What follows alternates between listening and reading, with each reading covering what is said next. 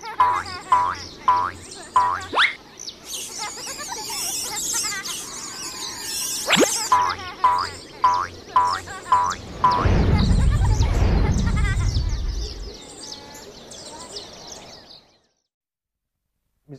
Assalamualaikum warahmatullahi wabarakatuh. Alhamdulillah, wassalatu wassalamu ala rasulillah, wa ala alihi wa sahbihi wa man walah.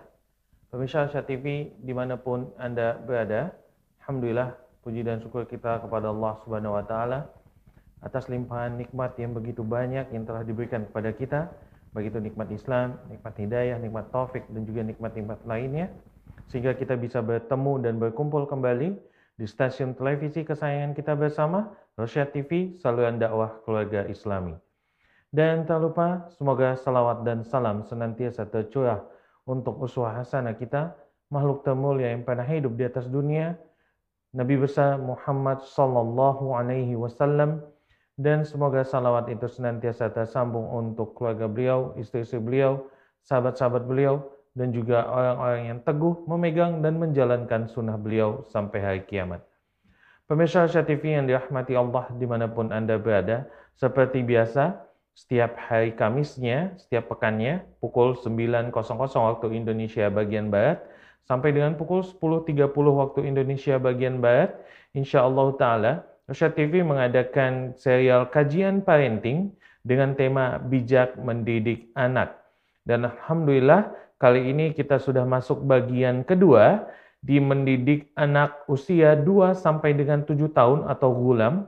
Gulam dan insya Allah taala materi akan disampaikan oleh guru kita Ustadz Abu Salma Muhammad Hafizahullah taala yang disiarkan langsung dari kediaman beliau. Dan bagi Anda semua pemirsa Asia TV di mana pun Anda berada, bagi Anda yang ingin melakukan interaksi dengan Ustadz, mengirimkan pertanyaan dan lainnya seputar materi yang sudah disampaikan, Anda bisa menelpon di line interaktif kami di nomor 0822 88886630. Kami ulangi di 0822 88886630. Dan nanti Ustadz akan memberikan materi terlebih dahulu dan Anda silahkan untuk mengirimkan pertanyaan baik itu bisa di nomor telepon yang telah kami sebutkan tadi secara langsung nanti bertanya kepada Ustadz ataupun bisa mengirimkan lewat WhatsApp ataupun jika Anda yang saat ini sedang menyaksikan siaran ini lewat platform digital baik itu Facebook, Instagram dan juga YouTube silakan untuk mengirimkan pertanyaan Anda di kolom komentar. Baik, karena Ustadz sudah tersambung dengan kita dan kami minta semuanya untuk meluruskan niat apa yang kita lakukan hari ini ikhlas karena Allah Ta'ala. Semoga Allah berkahi kita semua dan Allah mudahkan urusan kita dalam menuntut ilmu pada pagi kali ini. Baik, pemirsa Syah TV, langsung saja kepada Ustadz. Faliyatafaddol, maskura Ustadz. Baik, syukran Bang Jiang ya. Bismillah.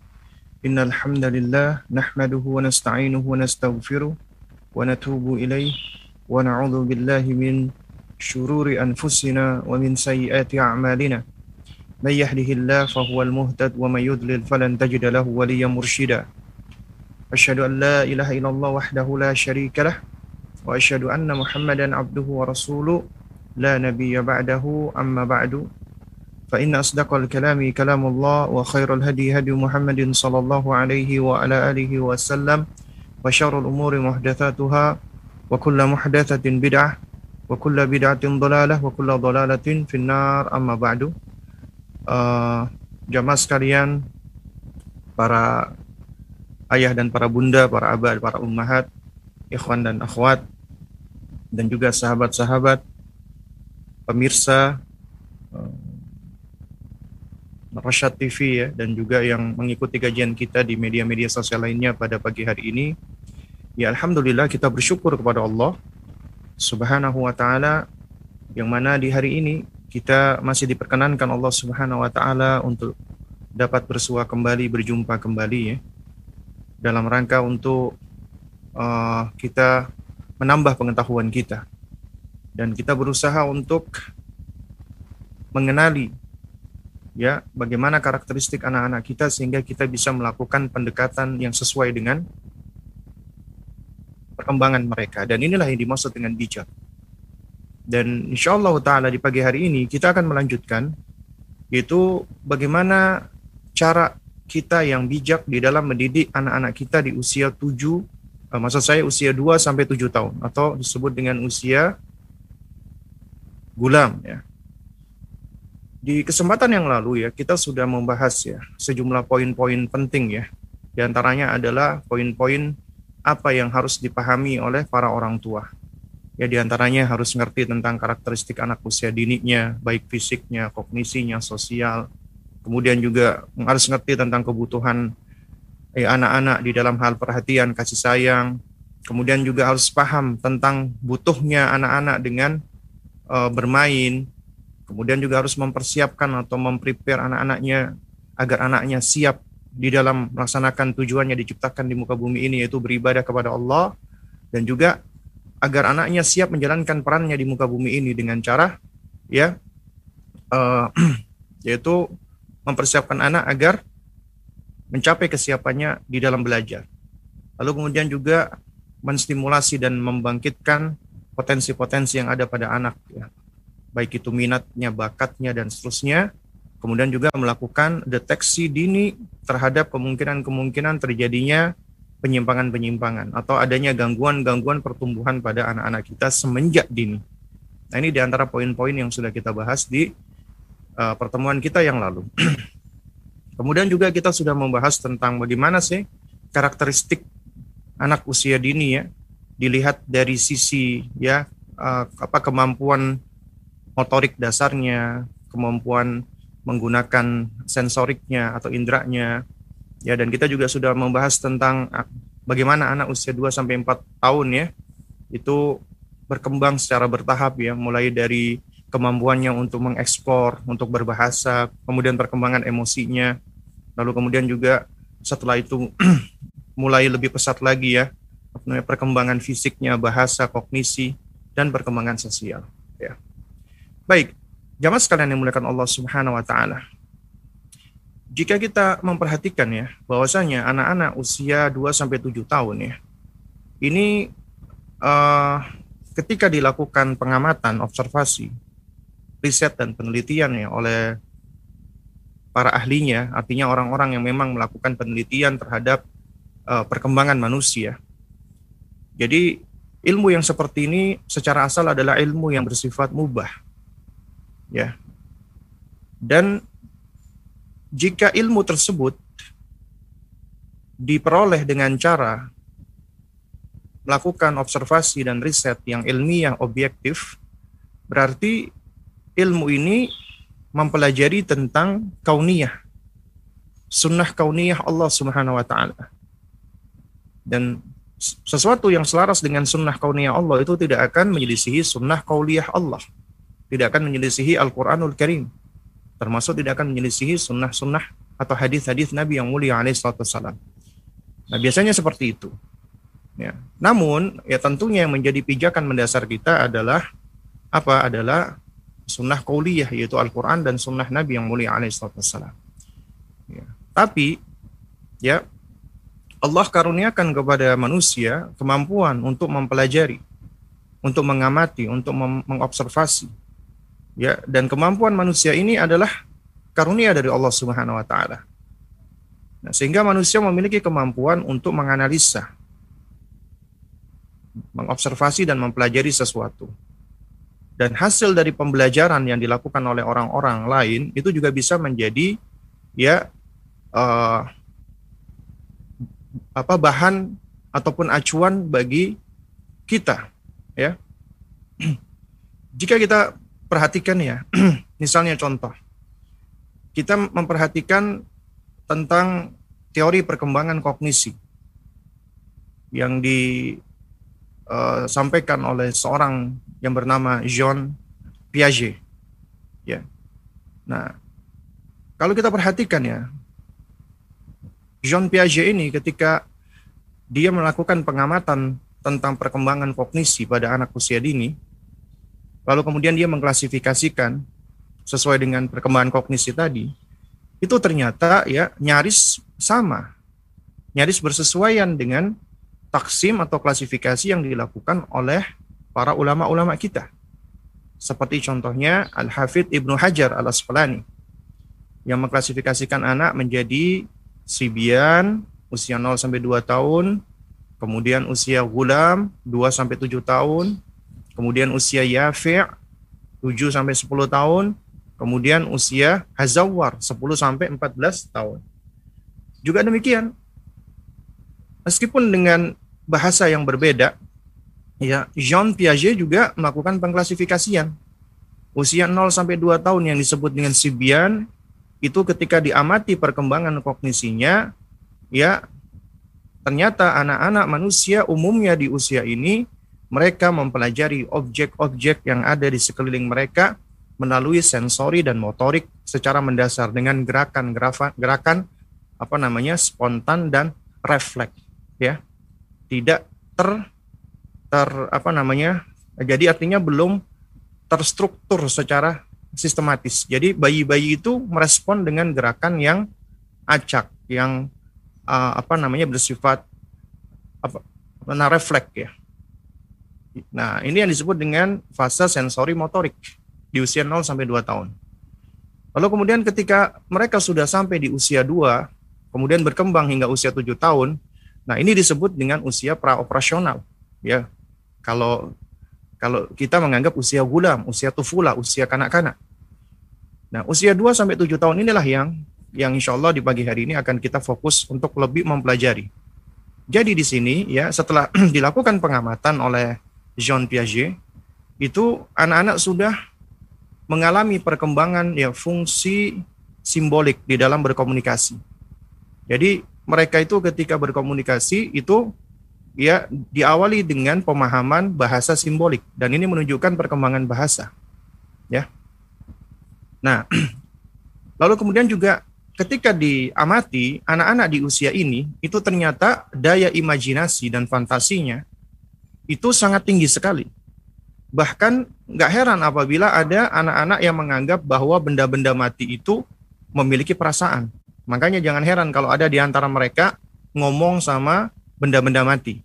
Ada yang ngomong sama piring, ada yang ngomong sama tembok, ada yang ngomong sama mainannya. Ya, itu jangan dianggap aneh karena itu adalah ya bagian perkembangan dari ya uh, kognisi anak-anak kita. Dan itu suatu hal yang normal meskipun tiap anak berbeda-beda. Lalu kemudian juga ciri yang paling tampak di usia ini adalah egosentris. Ya. Egosentris ini itu menyebabkan anak masih belum mampu untuk melihat dari sudut pandang orang lain. Ya. Dan dan dia juga sulit untuk memahami perasaan kecuali perasaan dirinya. Ya. Dan mereka juga kesulitan untuk bisa melihat dari sudut pandang orang-orang lain kecuali dari dirinya. Jadi dia menganggap bahwasanya semua apa yang ada di, di dunia ini bahkan adalah untuk dirinya. Itulah ego egosentris. Nah, tapi dengan seiring bertambahnya usianya, kemudian juga seiring dengan semakin bertambah dewasa, maka ya kemampuan anak-anak untuk bisa memahami dari sisi pandang orang lain itu akan sudah mulai berkembang meskipun tiap anak tingkatannya berbeda-beda. Nanti ini yang yang akan kita bahas yaitu perkembangan sosial anak. Ya. Karena ini memang mereka masih didominasi dengan egosentris. Kemudian kalau dari perkembangan kognisi ya, kalau kita perhatikan ya, itu juga anak-anak di usia 2 sampai 7 tahun ini itu masih memiliki kemampuan yang terbatas dalam hal uh, perkembangan kognisinya. Misal contoh di dalam hal melakukan pengklasifikasian. Ya, anak-anak di usia seperti ini biasanya mereka hanya bisa ketika mengumpulkan ya uh, berbagai macam benda atau objek, nah mereka biasanya hanya mampu untuk mengklasifikasikan dilihat dari satu atau dua saja ciri atau sifat. Misalnya contoh, mereka hanya mampu untuk memilah-milah objek tadi atau benda tadi yang yang berwarna merah merah semua ya. Meskipun bentuknya berbeda-beda atau yang bentuknya bulat-bulat semua meskipun warnanya beda-beda. Tapi nanti di usia anak usia 7 ke atas, sampai 10 tahun khususnya, ini disebut dengan usia operasional konkret. Artinya mereka sudah mampu untuk mengoperasikan. Ya, uh, ya tentunya dengan izin Allah Subhanahu Wa Taala. Ini disebut dengan usia yafi, sudah mumayis umumnya anak-anak seperti ini. Karena kemampuan nalar dan logikanya sudah lebih baik. Dan Dan anak di usia tujuh tahun ini itu juga kemampuan ya nalarnya, logikanya, kognisinya juga sudah lebih kompleks lagi. Kalau tadi usia uh, tufula atau usia gulam hanya bisa mengklasifikasikan hanya dilihat dari satu atau dua ciri. Nah, di usia ini itu anak-anak sudah lebih mampu lagi untuk mengklasifikasikan dilihat dari berbagai macam ciri. Mereka mampu untuk mengklasifikasikan bentuk misalnya bentuk kubus kubus semua, bentuk lingkaran atau bentuk bola bola semua. Warna merah merah semua. Kemudian mereka sudah bisa melihat dari ukuran ya, dari volume, dari warna, dari bentuk dan seterusnya. Ini anak-anak usia tujuh tahun dan juga mereka sudah lebih mampu untuk memahami sesuatu secara lebih tertib, lebih apa ya, lebih lebih uh, sesuai dengan urutan.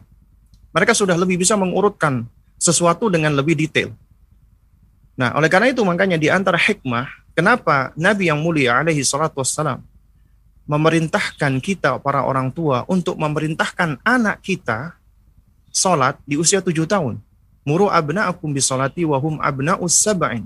Secara spesifik Nabi menyebutkan usia tujuh tahun.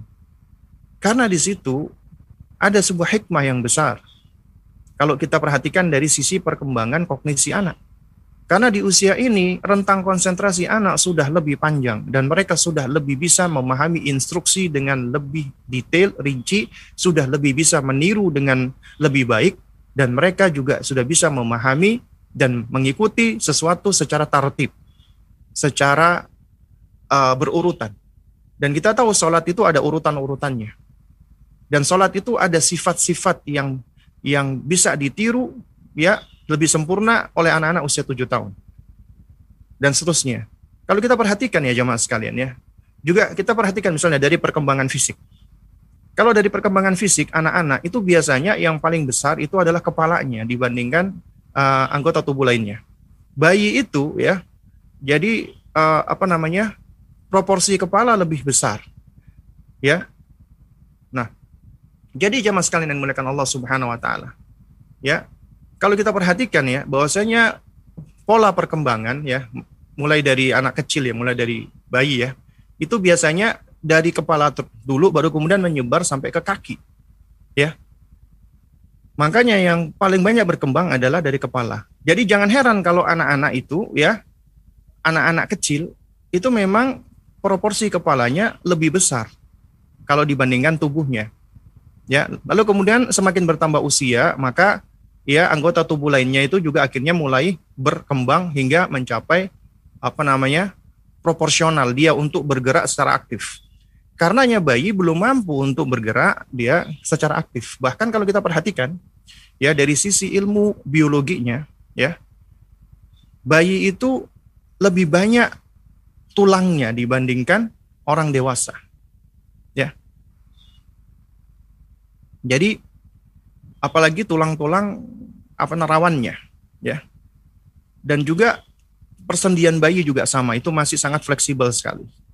Ya dan seiring dengan berkembangnya usianya bertambah usianya maka ya mulailah ya dari apa namanya dari tul pertumbuhan tulang belulang ini mulai semakin semakin apa namanya semakin utuh dan semakin kuat sehingga itu bisa menopang mereka untuk bergerak makanya uh, perkembangan motorik mereka pun juga bertahap ya ini menunjukkan bahwasanya Allah menciptakan segala sesuatu itu ada tahapan-tahapannya yang perlu untuk kita perhatikan. Ya. Dan ini adalah di antara bentuk hikmah kita di dalam mendidik anak. Ya, tentunya harus sesuai dengan kondisi mereka. Ya. Baik. Jamaah sekalian yang dimuliakan Allah Subhanahu wa taala ya. Uh, jadi ada ciri-ciri utama yang harus kita perhatikan pada anak usia 2 sampai 7 tahun ini yang akan kita bahas ya. Dan mungkin kita akan cukup cukup ini ya, cukup panjang mungkin ya membahas di usia ini ya. Karena kan begitu banyaknya sifat-sifat mereka yang perlu kita pahami. Dan dengan memahami sifat-sifat dan karakter-karakter mereka ini yaitu diharapkan kita akan lebih mampu untuk bersikap bijak di dalam melakukan pendekatan dan pendidikan ya pada anak-anak kita tersebut. Baik. Jamaah sekalian dimulakan Allah Subhanahu wa taala. Ya. Kita tahu nih ya, bahwasanya anak-anak kita ini apalagi di usia 2 sampai 7 tahun ya. Jika kita perhatikan perkembangan uh, sensoriknya ya. Perkembangan indrawinya maka di usia ini itu indera pendengarannya itu sudah ya mencapai tingkat yang lebih ke arah optimal. Nah, lalu kemudian indera penglihatannya ini yang sedang berkembangnya dengan dengan dahsyat. Jadi di usia ini kemampuan mereka untuk menyerap bahasa itu sangat pesat sekali. Kemampuan mereka untuk menghafalkan kata-kata juga sangat pesat sekali. Di sisi lain, mereka adalah menjadi sosok ya uh, pengamat ya, pengobservasi kemudian pengcopy paste yang sangat luar biasa. Mereka melihat, kemudian mereka akan meniru. Dan itu yang akan membangun pola perilaku sosial anak. Karena itu makanya kita harus ngerti nih. Ya. Anak-anak khususnya di usia ini, mereka itu memiliki ya potensi atau memiliki ciri khas dari perkembangannya ya yaitu memiliki sifat ya al-muhakah suka meniru mencontoh, mimikri. Anak cenderung mencontoh. Siapa yang dicontoh? Tentunya adalah sosok yang paling dekat dengan dirinya. Dan kemudian juga sosok yang dikaguminya. Oleh karena itu, apabila dia dapati di sekitar dia, ya ayahnya, ibunya melakukan sesuatu, maka itulah yang akan diamati. Atau orang-orang lain yang ada di sekelilingnya. Dia lihat dan dia tiru.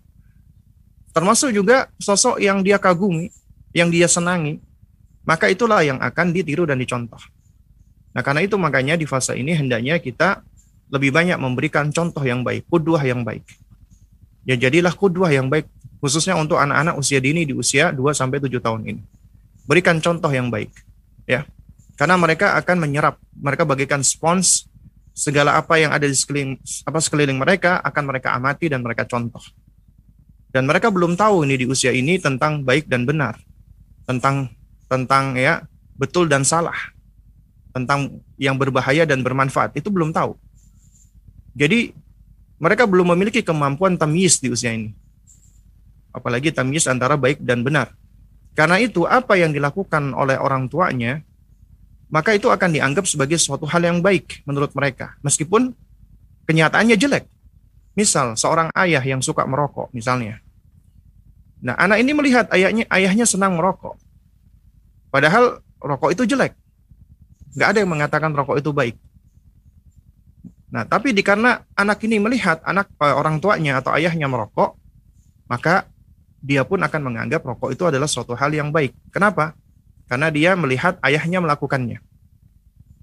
Juga demikian, ketika dia melihat di dalam kesehariannya orang tuanya nggak pernah sholat, maka ya dia dia akan melihat bahwasanya sholat itu adalah bukan suatu hal yang penting. Ya, bahkan dia tidak mengenal tentang sholat itu sendiri. Gitu loh. Kenapa? Karena orang tuanya tidak pernah memperlihatkan sholat. Juga demikian apabila orang tuanya suka bicara dengan bicara yang kasar, membentak-bentak, marah-marah, berantem, ya, dan ketika berantem itu dengan emosi-emosi negatif, maka ini yang akan diserap oleh anak-anak. Mereka akan mempelajarinya, mencontohnya, menirunya, dan seterusnya. Karena itu makanya ini fase yang penting sekali bagi orang tua untuk memperhatikan. Jadilah kudwah bagi mereka, contoh yang baik bagi mereka. Apabila Anda menginginkan anak-anak Anda menjadi orang yang soleh, maka harus Anda mulai dari diri Anda. Kita mulai dari diri kita. Jadilah kita orang tua yang soleh. Orang tua yang bisa ditiru dan dicontoh oleh anak kita. Lalu kemudian, ya di antara ya uh, sifat-sifat mereka yang juga bisa kita bentuk untuk membentuk uh, perilaku sosial mereka adalah sifat mereka ya yang yang suka tanafus, yang suka berkompetisi. Artinya anak-anak itu umumnya cenderung suka berkompetisi, suka bersaing. Jadi ketika mereka melihat ada abangnya atau ada adiknya ya melakukan sesuatu, mereka nggak kepingin kalah. Kenapa? Karena mereka sedang berebut perhatian. Umumnya seperti itu. Sehingga mereka senang bersaing, berkompetisi. Ya anak yang ketika dia itu sendirian dengan ketika dia rame-rame itu biasanya mereka akan lebih heboh, lebih senang itu ketika apa namanya berame-rame. Misal contoh, ya contoh misalnya apabila anda guru TK misalnya, ya Nah, ketika Anda misalnya ngajar hanya satu orang saja, ya itu biasanya akan sulit untuk memotivasi mereka ketika Anda mengajar dengan sejumlah murid. Karena dengan sejumlah murid itu Anda akan lebih mudah untuk apa ya? Untuk mem, apa provokasi mereka ya. Jadi memprovokasi dalam apa tanda kutip ya. Artinya Anda akan lebih lebih mudah untuk untuk apa? Untuk uh, membakar semangat mereka agar mereka merespon. Misalnya contoh, Anda bertanya, siapa yang hari ini sudah mandi angkat tangan. Jadi anak-anak segera berebut ya untuk untuk mengangkat tangan. Ya. Siapa yang hari ini sudah makan pagi? Saya. Jadi mereka melihat temannya semakin temannya semakin bersemangat, semakin uh, suaranya semakin lantang, akhirnya mereka akan akan akan mengikuti. Mereka berusaha untuk menjadi yang terdepan. Ya, umumnya seperti ini anak-anak. Karena sifat anak-anak itu umumnya senang berkompetisi, senang bersaing. Nah, karena itu ini adalah ya peran kita sebagai orang tua, sebagai pendidik. Untuk mengarahkan ya sifat-sifat ini ya tanafus ini ke arah yang positif, arahkan ke arah ke prestasi, arahkan ke antusiasme yang positif, arahkan ke sifat sportif, kemudian arahkan juga agar mereka tidak uh, berbangga-bangga dengan apa kemenangan. Misalnya apabila mereka memperoleh sesuatu ya dan juga dan juga uh, apresiasi mereka ya apa yang telah mereka lakukan. Nah, maksudnya upaya mereka bukan mengapresiasi hasilnya bukan. Dan ini nanti akan kita bahas ya. Jadi secara secara apa namanya detail nanti tiap-tiap item ini nanti di kajian kita berikutnya. Kemudian juga anak-anak itu ya dari sisi ta'awun kerjasama ketika di usia ini karena mereka egosentris maka mereka cenderung kalau sedang bermain nih bermain yang permainan yang mereka senangi maka mereka akan cenderung bermain sendiri. Karena mereka menganggap permainan itu adalah mainan mereka yang mereka senangi. Dan mereka masih sulit untuk berbagi. Ya. Nah oleh karena itu makanya ini tugas kita agar kita mengarahkan mereka mereka untuk bermain bersama. Bermain secara berkelompok, kolektif, teamwork ya dengan teman-teman yang lainnya. Ya, ini untuk membangun apa? Agar mereka itu ya sudah belajar untuk berinteraksi dan bekerja sama dengan teman-temannya meskipun mungkin akan ada berantem itu biasa. Ya. Lalu kemudian juga dikarenakan mereka masih fase egosentris, biasanya mereka masih belum memiliki kepekaan sosial. Karena itu tumbuhkan al apa hunu atau simpati ya tumbuhkan ya perasaan di dalam diri mereka yaitu simpati agar mereka bisa belajar untuk bersimpati kepada orang lain. Bagaimana caranya? Ya caranya adalah diajarkan sejumlah adab. Misalnya ajarkan dia untuk senang mengucapkan salam kepada orang lain, menyapa orang lain, mengajak kenalan orang lain. Assalamualaikum, kenalkan nama aku Fulan. Kamu namanya siapa ya? Ya itu ajarkan hal-hal seperti ini memang kalau kita lihat ya dari sisi perkembangan apa namanya psikologi anak ya memang ya menurut para uh, ahli psikologi itu umumnya manusia memiliki dua dua sifat yang introvert dan ekstrovert ya. Dan sering kali ya kita itu menganggap jelek ya sifat introvert padahal padahal tidak ya. Padahal ini hanyalah tentang tentang masalah ya sifat atau watak saja yang sebenarnya ada sisi positif dan ada sisi negatif dari masing-masing hal ini, introvert atau extrovert. Bukan artinya orang introvert itu tidak bisa bersosialisasi. Tidak, mereka bisa bersosialisasi, tapi mereka biasanya lebih selektif. Orang-orang introvert biasanya mereka lebih selektif ketika bersosialisasi. Mereka mencari dulu, ya, mana orang-orang yang mereka bisa merasa secure, merasa tenang, aman dengannya. Itu di antaranya positif yang seperti ini. Meskipun mereka cenderung untuk ya pasif dulu, eh, memperhatikan dulu, tapi ya artinya semua manusia itu bisa diajarkan agar pes, agar memiliki kepekaan sosial. Tapi bagus juga diajarkan selektif. Artinya tidak sembarangan untuk untuk berkawan dan mencari teman. Makanya tugas orang tua harus pintar-pintar untuk mencarikan teman yang baik bagi anak-anaknya. Kemudian juga uh, berangkat dari egosentris anak pula, yang mereka juga kurang sensitif atau tidak peka terhadap orang lain, juga kita ajarkan yang namanya al uh, apa atfu. Kalau tadi simpati, sekarang empati. Ya.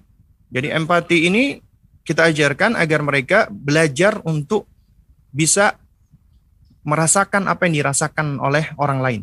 Dan ini memang butuh waktu. Apalagi kalau fase egosentris. Jadi jadi kita ajarkan misalnya agar mereka itu turut merasa sedih ketika melihat temannya sedih, bahagia ketika melihat temannya bahagia, dan kita ajarkan pula misalnya ketika apa mereka melihat ada apa namanya pengemis di jalan itu bisa kita sampaikan lihat nah itu pengemis ya kasihan banget ya apa namanya. Jadi uh, dia nggak punya rumah. Terus kemudian kita ajarkan bahwa kita harus bersyukur kepada Allah. Allah masih kasih kamu rumah. Allah masih kasih kamu apa ada abi ada umi. Kamu harus bersyukur kepada Allah. Dan orang-orang seperti itu harus kita bantu harus kita tolong. Ya. Jadi kita kita bangun empati dia. Ya. Terhadap orang lain. Kemudian misalnya ada temannya yang sakit. Ya itu ya kita ajak dia untuk apa? Untuk menjenguk temannya yang sakit. Agar dia melihat dia tuh apa namanya uh, si fulan temanmu sakit tuh nak. Ya. Allah menguji dia dengan sakit. Ayo kita datang yuk. Kita kasih hadiah bunga eh bunga apa buah maksudnya ya supaya dia senang dan kita doakan mudah-mudahan Allah segera ya uh, apa namanya menyembuhkannya ya. Sakit itu ujian nak. Bukan artinya Allah nggak sayang sama dia. Allah sayang sama sama manusia. Apa Allah sayang dengan kita ketika kita sakit itu sebenarnya Allah sayang dengan kita. Kenapa? Karena dengan kita sakit kita akan lebih bisa ya. Kita lebih banyak untuk mengenal Allah. Kita akan lebih banyak apa namanya untuk untuk bisa mendekat kepada Allah, berzikir kepada Allah. Dan kita lebih banyak berdoa memohon kepada Allah, ya Allah sembuhkanlah aku. Dan dan kita ajarkan tawakal, nggak ada yang bisa menyembuhkan kita kecuali Allah Subhanahu wa taala. Dokter nggak bisa menyembuhkan, tabib nggak bisa menyembuhkan, nggak ada makhluk yang bisa menyembuhkan kecuali Allah. Ya. Dan kita ajarkan konsep apa? Yaitu apa namanya? Faida maridtu wa huwa yashfin. Apabila aku sakit, maka Allah lah yang menyembuhkan aku. Ya. Dan kemudian juga ketika temannya sakit juga kita datang, kita doakan. Mudah-mudahan Allah menyembuhkan. Ya. Ini membentuk empati anak. Ya. Jadi di antaranya kemudian juga misalnya ada apa namanya temennya, temennya misalnya menang lomba, ajarkan dia untuk ya untuk mau mengucapkan ucapan selamat, ya. Jadi ajarkan dia untuk mau apa untuk mau mengucapkan selamat dan turut berbahagia atas kemenangan temannya. Ya, jadi ketika ada temannya yang menang, masya Allah, nah alhamdulillah itu kamu punya teman, kamu menang juara, itu adalah nikmat dari Allah, karunia dari Allah. Jadi kalau dia bahagia, kamu juga harus ikut bahagia gitu. Jadi diajarkan tentang konsep-konsep seperti ini dari semenjak dini. Ya. Nah, karena kenapa? Apabila tidak diajarkan seperti ini, maka dikhawatirkan setan akan berperan akhirnya bisa memasuki di dalam benak anak kita yaitu tentang hasad dan yang semisalnya ya karena ketika dia melihat nih temennya lebih banyak perhatian akhirnya hm, kenapa sih kok yang diperhatikan dia kok, kok bukan aku apalagi anak dalam pos apa posisi egosentris ya sehingga nanti dia akan belajar untuk hasad kepada orang lain karena itu makanya ajarkan hal ini kemudian juga nggak kalah penting adalah ajarkan dia untuk uh, mustarakah, untuk sharing, untuk berbagi. Ya. Untuk senang berbagi. Nah, di antara metode cara yang baik bahkan seni mendidik anak khususnya Anda wahai para ibu. Ya, ketika Anda misalnya ya pagi-pagi mempersiapkan anak Anda untuk sekolah. Anda membuatkan bekal untuk anak Anda, maka berikan dia tidak hanya satu bekal saja, berikan dia dua atau tiga, lebih dari satu bekal. Kemudian sampaikan kepada anak Anda, ya kakak, yang satu ini punya kamu. Kamu makan ya sampai habis ya. Makanan ini nikmat dari Allah, pemberian dari Allah, karunia dari Allah harus kita syukuri. Ya, kamu juga harus makan. Ya, badan kamu adalah ciptaan Allah. Harus kamu jaga. Menjaganya di antaranya kamu harus makan dengan makanan yang sehat Kemudian ini ada yang satu kotak lagi atau dua kotak lagi. Ini buat teman-teman kamu. Kalau ada teman kamu yang nggak bawa makanan atau yang kepingin, bagi. Kasih buat dia. Ya. Jadi, biasakan seperti ini. Agar mereka itu sudah belajar dari semenjak kecil senang berbagi. Masya Allah. Itu suatu hal yang baik banget. Ya, mereka senang berbagi dengan kawan-kawannya. Ya. Lalu kemudian juga misalnya pada saat mereka sekolah atau pas lagi ada ujian atau ada lomba dan semisalnya ya, itu misalnya ya dia itu uh, apa namanya taruhlah akan ujian. Kita sebagai orang tua ya kita juga harus apa ya memonitor anak kita. Artinya begini loh, jangan sampai kita sebagai orang tua itu nggak pernah memperhatikan anak kita dalam urusan sekolahnya misalnya. Ya. Kayak misalnya kita nggak pernah melihat isi tasnya, kita nggak pernah melihat buku-bukunya, kemudian apa alat tulisnya. Jadi itu hendaknya kita turut memperhatikan. Ya, supaya jangan sampai ketika dia di sekolah dia nggak membawa bukunya atau dia nggak membawa alat tulisnya. Nah, juga ketika misalnya dia ke sekolah kalau perlu ya kasih atau beri atau bawakan alat tulis yang berlebih. Ya lalu sampaikan nak ini punya kamu ya kamu jaga kamu simpan. Kalau ada teman kamu yang nggak bawa pensil nggak bawa alat tulis maka kamu kasih yang ini. Jadi ini buat kawan kamu. Jadi ajarkan dia untuk senang berbagi di situ ya. Ajarkan dia untuk mau berbagi. Dan juga sama ajarkan dia untuk senang meminjamkan barang-barangnya. Ini memang awalnya berat. Karena mereka masih belum memahami konsep al-milk, apalagi anak-anak usia 2 tahun, 2 tahun setengah, 3 tahun. Mereka masih menganggap bahwasanya semua barang yang ada itu adalah miliknya. Ya barangku, barangku, barangmu, barangku, biasanya seperti itu. Nah sehingga kadang-kadang ada orang tua yang salah kaprah ketika anaknya misalnya diajak main atau pergi ke rumah saudaranya, kemudian mainan uh, mainan apa namanya keponakannya ya atau mainan sepupu anak kita dibawa pulang, kita marah-marah kamu kecil-kecil sudah nyolong, sudah mencuri, padahal dia nggak tahu apa itu mencuri, apa itu mencolong. Ya, karena dia kira dalam dalam apa namanya dalam uh, kemampuan bernalarnya dia yang masih masih anak-anak, dia nganggap itu semua barang adalah milik dia. Dia belum ngerti tentang konsep kepemilikan. Ini udah dipahami loh oleh para ulama kita. Makanya kalau kita perhatikan di dalam misalnya bab fikih jual beli, ya itu di antaranya madhab syafi'i ya itu ya berpendapat tidak sah jual beli yang dilakukan oleh anak-anak yang belum tamyiz. Ya. Jadi ketika anak-anak kecil itu misalnya mereka jual beli itu belum sah. Ya, itu menurut madhab syafi'i meskipun ini ada perincian-perincian yang lainnya dan juga ada varian-varian pendapat ya. Cuman artinya di sini para ulama sendiri ngerti anak-anak itu belum belum memahami tentang konsep kepemilikan. Dan ini tugas kita untuk mengajarkan hal ini agar mereka tahu ini adalah milik kamu. Tapi sejatinya kita ajarkan, ya ketika kita katakan ini mainan kamu, punya kamu, itu adalah pemberian dari Allah. Karunia dari Allah. Itu yang harusnya kita ajarkan. Karena ketika kita mengajarkan konsep tauhid ya kepada anak kita, ya di antaranya adalah tauhid apa? Tauhid apa namanya? E, rububiyah. Itu kita ajarkan tidak lepas dari tiga konsep utama sebagaimana dikatakan oleh Syekh Utsaimin rahimahullah ketika kita mengajarkan rububiyah maka rububiyah ini nggak lepas dari tiga makna yaitu mentauhidkan Allah fil khalqi di dalam penciptaan artinya Allah adalah khalik Allah yang menciptakan kita Allah yang menciptakan kamu menciptakan Umi menciptakan Abi nenek kakek ya semuanya Allah yang menciptakan itu fil khalqi kemudian yang kedua adalah fil milki atau fil mulki karena Allah yang menciptakan, maka Allah yang memiliki dan Allah yang menguasai. Allah adalah Al-Malik. Al-Malik atau Al-Malik. Allah adalah sang pemilik atau ya sang penguasa. Yang menguasai dan memiliki apa yang Allah ciptakan. Artinya, karena kita diciptakan Allah, kita ini kepunyaan Allah. Kita ini di bawah kekuasaan Allah. Ya, Allah titipkan tubuh kita, Allah titipkan mata kita, Allah titipkan telinga kita, Allah titipkan mulut kita. Jadi sebenarnya bukan milik kita gitu loh tapi Allah berikan kepada kita sebagai titipan agar kita jaga. Makanya kita harus bersyukur Allah Maha baik. Allah berikan mata untuk kita, Allah berikan telinga untuk kita, Allah berikan mulut, kaki, tangan, dan seterusnya. Sehingga anak-anak harus kita ajarkan konsep bersyukur dari semenjak dininya. Bersyukur kepada Allah.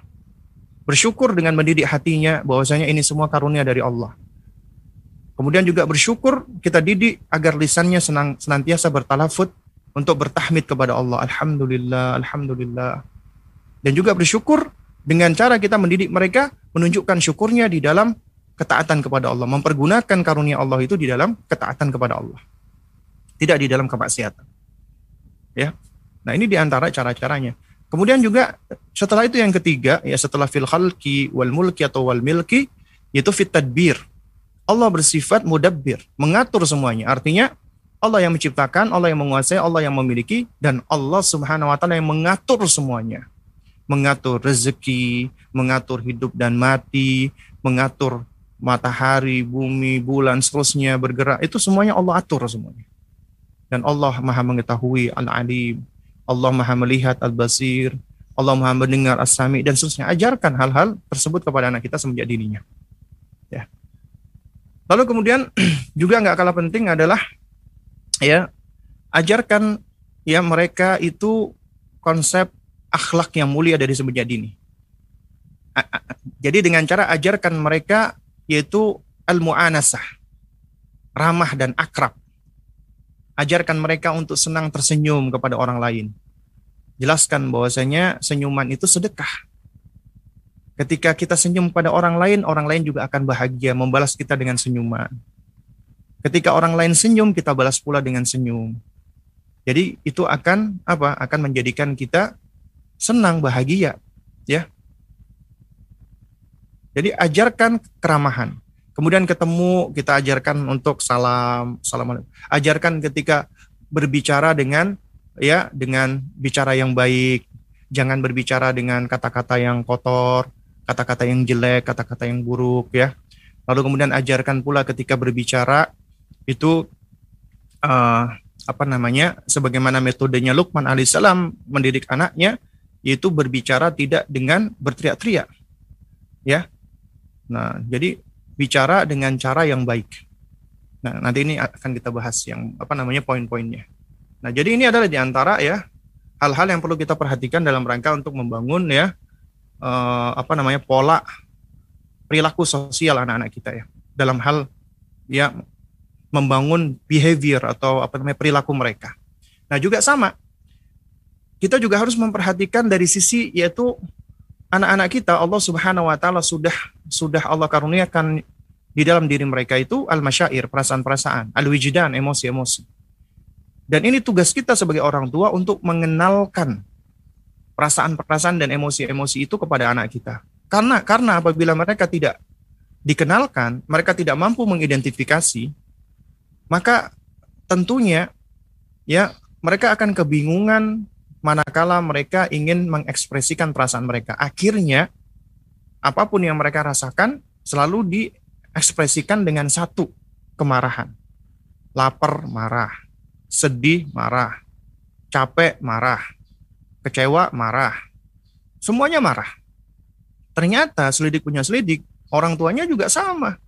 Orang tuanya juga tidak memiliki kemampuan untuk memahami emosinya sendiri ternyata tidak ma'rifatul zat, nggak memiliki self knowledge, tidak mengenal dirinya sendiri. Makanya konsep mengenal diri itu penting. Dan seseorang tidak akan bisa mengenal dirinya seutuhnya sebelum dia mengenal penciptanya. Makanya man arafa rabbahu arafa nafsahu. Siapa yang mengenal penciptanya, Robnya, maka dia akan lebih bisa mengenal dirinya sendiri. Ini konsep mendasar.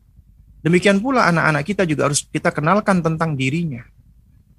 Agar ini bisa membangun kematangan sosial mereka. Agar mereka bisa menjadi pribadi yang matang. Ya tentunya untuk supaya matang ini butuh proses. Ya, nggak bisa kita langsung seperti masak langsung dengan api yang besar akan gosong, rusak. Dan juga nggak bisa kita ingin memasak dalam tanda kutip ya, itu tanpa ada bahan bakar. Jadi nggak dinyalakan, nggak ada apinya, nggak ada bahan bakarnya, nggak akan bisa matang-matang. Oleh karena itu makanya kita butuh bahan bakar. Bahan bakarnya adalah bekal kita. Di antaranya ilmu, amal, sabar. Ya. Dan kemudian kita juga butuh hikmah agar tidak terlalu ya besar apinya dan tidak terlalu kecil agar dia bisa matang. Makanya orang-orang yang terlalu menggegas itu tergesa-gesa biasanya akan matang sebelum waktunya. Sesuatu yang matang sebelum waktunya akan lebih mudah busuk. Ya, akan lebih mudah rusak. Nah, ini makanya pentingnya kita sebagai orang tua bisa bersikap bijak. Nah, di antara hal-hal yang perlu kita persiapkan, ya wahai para aba dan ummahat, ya wahai para orang tua adalah kita harus sudah mengajarkan kepada anak kita itu adalah konsep kemandirian. Ya, agar mereka bisa mandiri. Karena kita tahu ya Allah ciptakan mereka di awal kehidupannya mereka sangat butuh dengan orang tuanya. Butuh dengan bapak ibunya karena mereka dalam kondisi lemah, dhaif. Selemah-lemahnya makhluk ketika itu. Sehingga mereka sangat butuh bantuan dari orang di sekitarnya, terutama orang tuanya. Bahkan itu menjadi tanggung jawab orang tuanya, bapak ibunya. Yang harus mendidik, harus apa ya, harus mengurusi, menjaga, memelihara mereka. Tapi nggak bisa orang tua itu terus-terusan menjaga dan memelihara. Karena tugas kita itu tidaklah menjaga dan memelihara terus-terusan. Karena apa? Karena anak kita adalah makhluk yang akan berkembang yang harus kita persiapkan agar mereka bisa otonom, bisa mandiri, dan mereka bisa memahami fungsi dan tujuan mereka diciptakan Allah di muka bumi ini, yaitu tidak lain dan tidak bukan sebagai hamba Allah. Dan mereka juga memiliki peran di muka bumi ini yang harus mereka isi. Jadi ini tugas kita sebagai orang tua. Nah, karena itu ya jemaah sekalian yang muliakan Allah Subhanahu wa taala. Ya, itu tugas kita untuk membangun kemandirian mereka agar mereka bisa memiliki kemandirian, bisa memiliki al-mubadarah, ini apa inisiatif di dalam melakukan sesuatu. Enggak selalu bergantung kepada orang tuanya. Ya. Nah, di antaranya adalah dengan cara al-musa al-musa adatu adzatiyah atau self help. Artinya mereka harus bisa menolong diri mereka sendiri. Tapi konsep ini, konsep agama kita, gak bisa lepas kita ajarkan bahwasannya kita ini makhluk butuh dengan Allah, butuh pertolongan Allah. Jadi ajarkan selalu konsep ya apa apa namanya hauqalah la haula wala quwata illa billah. Tidak ada daya dan tidak ada kekuatan kecuali dengan pertolongan Allah.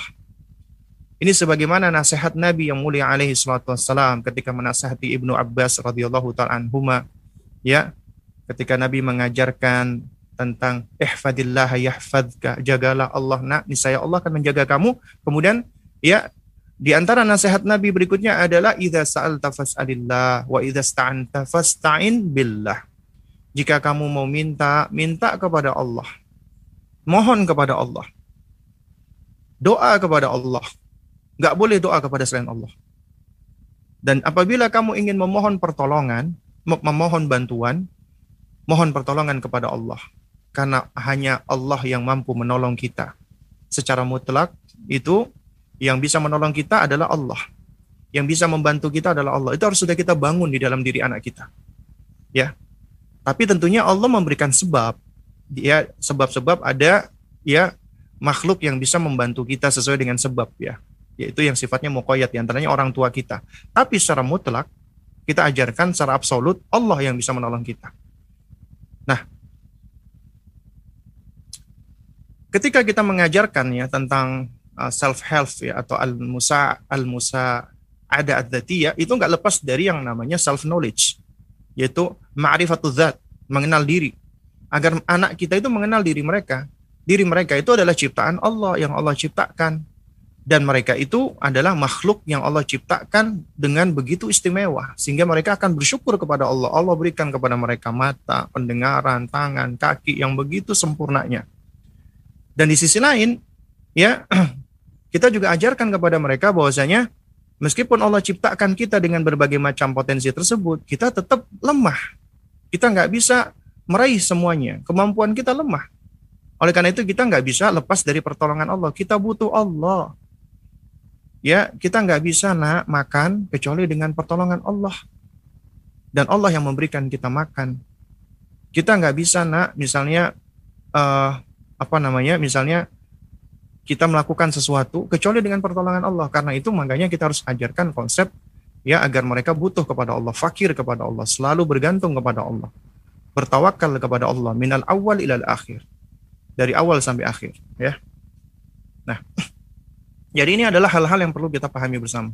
Nah, di antara cara kita membangun ya self help mereka agar mereka tidak selalu butuh dengan orang tuanya, kita ajarkan konsep kemandirian mulai dari misalnya self eating, makan sendiri.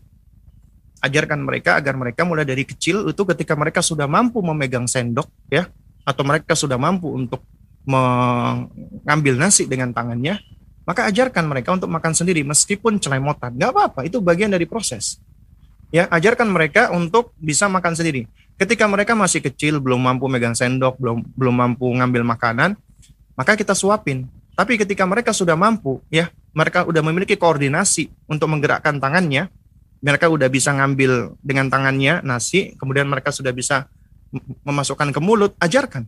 Mereka makan sendiri meskipun belepotan. Ya. Jadi ini proses agar mereka bisa belajar belajar sendiri, apa makan sendiri. Jangan selalu disuapin. Juga ajarkan mereka sudah mulai untuk tidur sendiri. Ya, misalnya di di kasur yang berbeda sama orang tuanya atau di ruangan yang berbeda itu boleh, ya. Agar mereka sudah bisa tidur sendiri ya agar mereka tidak selalu butuh dengan orang tuanya. Demikian pula ajarkan mereka untuk self dressing, berpakaian sendiri, pelan-pelan tentunya. Ya. Dan ini melatih ya mulai dari motorik halus mereka, sensorik mereka. Seperti misalnya belajar mengancingkan baju. Itu membutuhkan yang namanya koordinasi yang luar biasa, termasuk mengikat tali sepatu. Dan anak-anak yang sudah diajarkan kemandirian dari semenjak dininya, pelan-pelan, itu bisa mereka, ya Nah, oleh karena itu kalau kita pelajari ya kita lihat itu di antara bentuk game-game atau permainan ya yang, yang ada di anak-anak uh, usia dini atau di TK ya, yang juga dibuat ya oleh kayak kayak Diknas misalnya, di antaranya seperti anak-anak itu diajak bermain memasukkan sedotan ke botol. Itu dalam rangka untuk melatih apa? Untuk melatih di antaranya koordinasi mereka dan motorik halus mereka. Dan ini tujuannya tidak lain dan tidak bukan adalah untuk kemandirian sebenarnya. Jadi permainan-permainan yang sebenarnya diajarkan yaitu hendaknya ya adalah permainan-permainan yang memang sudah jelas tujuannya. Ya, tujuan-tujuannya dalam rangka untuk menstimulasi sensoriknya, motorik kasar, motorik halus dan seterusnya. Jadi ini jadi ini adalah hal-hal yang penting yang harus kita ajarkan. Juga demikian tentang ya uh, mandi sendiri, kemudian istinja sendiri. Jadi kita udah mulai mengajarkan mereka uh, apa namanya toilet uh, training ya. Tentunya kita ajarkan dengan adab Islam, bagaimana masuk kamar mandi, keluar kamar mandi, caranya istinja, ya kemudian ketika tidur sendiri ajarkan mereka tentang doa-doa, zikir-zikir akan tidur, itu semua dilakukan pelan-pelan. Nggak bisa langsung. Nggak bisa ya instan. Semuanya ada prosesnya bertahap. Dan ini membutuhkan kesabaran. Artinya harus ada istimror, kontinu, kontinuitas. Kemudian setelah itu juga ya kita perlu uh, apa ya dalam rangka membangun kemandirian anak ini untuk membangun yang namanya ya apa namanya? At-taujih az-zati. Ya at-taujih az-zati yaitu self direction ya yaitu agar mereka bisa belajar untuk mengatur diri mereka. Tentunya ini sekali lagi berproses. Dan ini dengan cara mengajarkan mereka ya adanya rules, aturan-aturan dan kedisiplinan, mentakdib mereka dengan kedisiplinan. Cara mereka untuk uh, didisiplinkan ya dan juga diberikan aturan itu yang lebih tepat adalah dengan memberikan kepercayaan ya kepada mereka dan juga bersepakat dengan mereka. Jadi kita bersepakat dengan mereka. Ya harus ada kesepakatan. Jadi misalnya ketika kita ingin membuat aturan, kita ajak mereka. Karena apa? Ketika mereka sama-sama kita ajak untuk bersepakat, berarti mereka merasa dipercayai. Ya. Dan mereka merasa dilibatkan. Dan kemudian apa yang mereka sepak, yang mereka sepakati, maka mereka belajar untuk berusaha untuk apa? Untuk mereka ikuti, ya. Nah, ini di antaranya. Dan ketika Anda hendak mengajarkan kepada mereka tentang konsep ini, maka ketahuilah ya di di sini itu ada poin penting. Poinnya yaitu apa? Yaitu al-ihtimam, perhatian dan an-nizam, aturan. Yang perlu Anda perhatikan adalah ketika Anda memberikan aturan-aturan, rules, nizam kepada mereka tanpa perhatian, tanpa ihtimam, tidak dengan cara yang baik, tidak cara dengan cara lemah lembut, ini biasanya akan apa? Akan melahirkan sifat sikap pemberontakan. Tamarrud. Mereka akan memberontak karena mereka merasa ditindas. Orang tuanya orang tua yang diktator, tirani. Hanya memberikan aturan-aturan ataupun mungkin orang anaknya tunduk tapi tunduk temporer karena merasa takut. Tapi ketika orang tuanya nggak ada, maka dia akan merasa merdeka, bebas, dan dia akan membalas dendam. Atau di sisi lain, hanya memberikan ihtimam tanpa ada aturan, hanya memperhatikan, itu artinya ya kita mengajarkan anak untuk selalu bergantung kepada orang tuanya. Tidak memiliki kemandirian. Ya, menjadi pribadi yang pasif, yang bergantung kepada orang tuanya. Nah, oleh karena itu ketika ihtimam dan nizam ini berkombinasi, maka akan apa? Akan melahirkan insya Allah apa? Al-mas'uliyah, tanggung jawab ya mereka akan menjadi sosok yang bertanggung jawab ya terus kemudian juga dia di, di antara poin yang penting adalah kita juga ketika hendak uh, apa ya merangsang motorik mereka ya di antaranya kita ajarkan mereka tentang uh, gerakan-gerakan ya uh, apa namanya taharruk ya. karena anak-anak kita itu memiliki ya tubuh-tubuh yang harus terus dilatih ya atau disebut dengan apa namanya uh, apa namanya locomotion. Jadi memiliki pergerakan. Jadi ajarkan mereka, misalnya mulai dari melangkah, menjinjit, mengangkat satu kaki, melompat, naik turun tangga, kemudian ajak kemudian mereka berolahraga, berlari, main sembunyi-sembunyian dan seterusnya. Lalu kemudian sampai uh, apa namanya mau manjat, itu adalah bagian yang baik untuk melatih ya kemampuan-kemampuan fisik mereka. Ya. Terus kemudian juga yang nggak kalah penting adalah melatih motorik halus mereka dengan cara occupation, yaitu al-amal wasonah. Itu apa? Itu ajarkan mereka untuk misalnya mereka mengambil buku sendiri, ya kemudian uh, ajarkan mereka untuk bagaimana cara menggunakan alat tulis, bagaimana cara menulis ya, bagaimana cara memegang. Kemudian itu anak itu ada proses dalam menulis ya. Jadi goresan-goresan mereka itu sebenarnya itu juga ada tingkatan-tingkatannya sesuai dengan apa namanya perkembangannya. Ya. Nah, ini adalah di antara hal-hal yang perlu kita apa namanya perhatikan. Terus kemudian juga yang nggak kalah penting adalah kita ajarkan mereka apa? yaitu at-tansyi'ah al-ijtimaiyah, yaitu bersosialisasi. Ya, ajarkan mereka untuk bersosialisasi dengan cara misalnya ketika sekolah ya mereka bertemu dengan teman-temannya itu di antaranya manfaat sosialisasi atau mengunjungi kerabatnya atau misalnya ada acara-acara bersama camp ya camp bersama atau di kajian-kajian anak ya semisalnya. Itu kita ajarkan sosialisasi yang positif. Baru kemudian yang terakhir ya untuk kesempatan kita di pagi hari ini adalah ajarkan dia al-ittisalah yaitu berinteraksi atau berkomunikasi dengan orang lain. Ajarkan dia untuk apa belajar mendengarkan, untuk belajar menyapa, mengajak bicara, dan berinteraksi dengan orang lain. Nah ini insya Allah poin-poin yang akan membangun kematangan sosial pada anak kita insya Allah ta'ala. Dan apabila kita lakukan ini semua ya jemaah sekalian, ya ini adalah salah satu uh, hal yang bijak bagi orang tua. Ketika dia telah mempersiapkan dirinya. Kalau misalnya ada yang mengatakan, Ustadz, eh, orang tua saya nggak perlu kayak gini-ginian semua, tapi toh anaknya jadi Ustadz. Ya. Nah, jadi sebenarnya kayak gini kayak gini itu sebenarnya nggak begitu penting. Maka kita katakan, ya, memang kita nggak bisa pungkiri hidayah di tangan Allah Subhanahu Wa Taala. Hidayah taufik wal ilham ada di tangan Allah. Kewajiban kita hanya bisa ikhtiar, usaha. Ikhtiar itu akhdul asbab, mengambil sebab. Mengambil sebab itu ada cara-caranya, metode, tekniknya yang bisa dipelajari. Tentunya orang-orang yang dia mau belajar, entah dia belajar dari pengalaman atau belajar dari eksperimen atau belajar dari observasi, belajar dari riset, belajar dari ini dan itu yang semuanya itu bisa di dipelajari dan itu ilmiah objektif.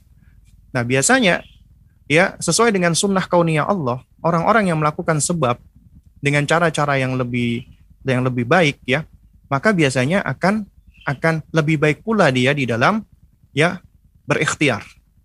Ya. Contoh misalnya kalau kita ibaratkan seperti misalnya ya uh, ketika Anda ingin mengikuti lomba lari, lari maraton. Anda nggak bisa tiba-tiba itu ya ujuk-ujuk menjadi atlet. Anda butuh latihan di situ, ada proses. Dan ketika Anda melatih diri Anda, ya Allah ciptakan tubuh Anda itu memiliki kemampuan takayuf, beradaptasi yang luar biasa.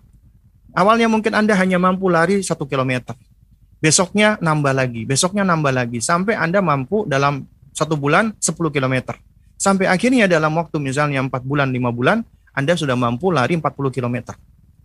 Dan kemudian selama satu tahun, yang tadinya Anda hanya mampu 40 km itu dalam waktu misalnya 3 jam, sekarang sudah mampu dalam waktu ya hampir satu jam misalnya. Artinya tubuh kita memiliki kemampuan takayuf. Meskipun tiap orang punya kemampuan beda-beda. Nah, orang-orang yang dia selalu melatih, belajar, dia mempelajari teorinya, dia mempraktekkannya, kemudian dia belajar dari pengalaman orang lain. Nah, ini biasanya dengan sebab ini dia akan lebih sukses. Dibandingkan orang yang yang dia belajarnya hanya ya learning by doing, langsung praktek. Udah dia hanya mengikuti instingnya, intuisinya. Jadi hanya melihat tubuhnya, mungkin dia berhasil. Bisa jadi dia mungkin berhasil, mampu lari maraton. Ya. Tapi kalau kita perhatikan sesuai dengan hukum sebab akibat, biasanya seperti ini pertama tidak banyak. Yang kedua, sering kali juga banyak yang nggak mampu biasanya. Kalau dia memiliki kemampuan ya berarti itu adalah ya anugerah karunia dari Allah yang tidak diberikan kepada setiap orang. Tapi Allah berikan kepada setiap orang kemampuan untuk berusaha ikhtiar. Mampu, hanya saja mau atau enggak. Itu yang menjadi yang menjadi apa namanya? kunci. Kalau dikatakan kemampuan, insya Allah Allah berikan kemampuan. Tapi kalau mau, nah ini itu yang jadi masalah. Baik Bang Jiang, oh, apa ternyata sudah pukul 10 lewat ini Bang Jiang dan sudah apa satu jam ya kita uh, berbicara di sini. Jadi untuk uh, berikutnya mungkin ada pertanyaan Bang Giang yang sudah masuk ya dipersilakan Bang. Baik, Jazakallah khairan barakallahu fikum Ustaz atas materi yang sudah disampaikan tadi mengenai uh, fase gulam. Dan alhamdulillah ini kita sudah ada pertanyaan Ustaz, kita akan sampaikan beberapa pertanyaan. Yang pertama, Assalamualaikum Ustaz. Ini ada dua pertanyaan Ustaz. Yang pertama, bagaimana cara menerapkan adab-adab dan akhlak yang baik terhadap anak yang hiperaktif? Dan yang kedua, apa apakah boleh kita memberikan reward dan punishment, hukuman dan hadiah terhadap anak tersebut. Jazakallah khairan Ustaz, ini dari Ibu Nola di Pekanbaru. Taib ya. Wa menjazakallah khairan ya. Baik. Jadi ini untuk anak hiperaktif ya. Memang ya ada anak-anak yang Allah Subhanahu wa taala ya berikan keunikan ya. Di antaranya adalah anak-anak yang hiperaktif. Ya Tentunya menangani anak hiperaktif itu berbeda. Tidak sama ya dengan anak-anak yang aktif lainnya. Karena dia hiper. Jadi uh, artinya keaktifan dia itu adalah lebih dibandingkan anak-anak lainnya. Namun ketahui bahwasannya ketika Allah Subhanahu wa taala memberikan suatu keunikan kepada anak ya, itu juga tidak akan lepas dari ya dari keadilan Allah Subhanahu wa taala. Ya karena karena biasanya anak-anak yang seperti ini itu Allah berikan kelebihan di sisi-sisi lain.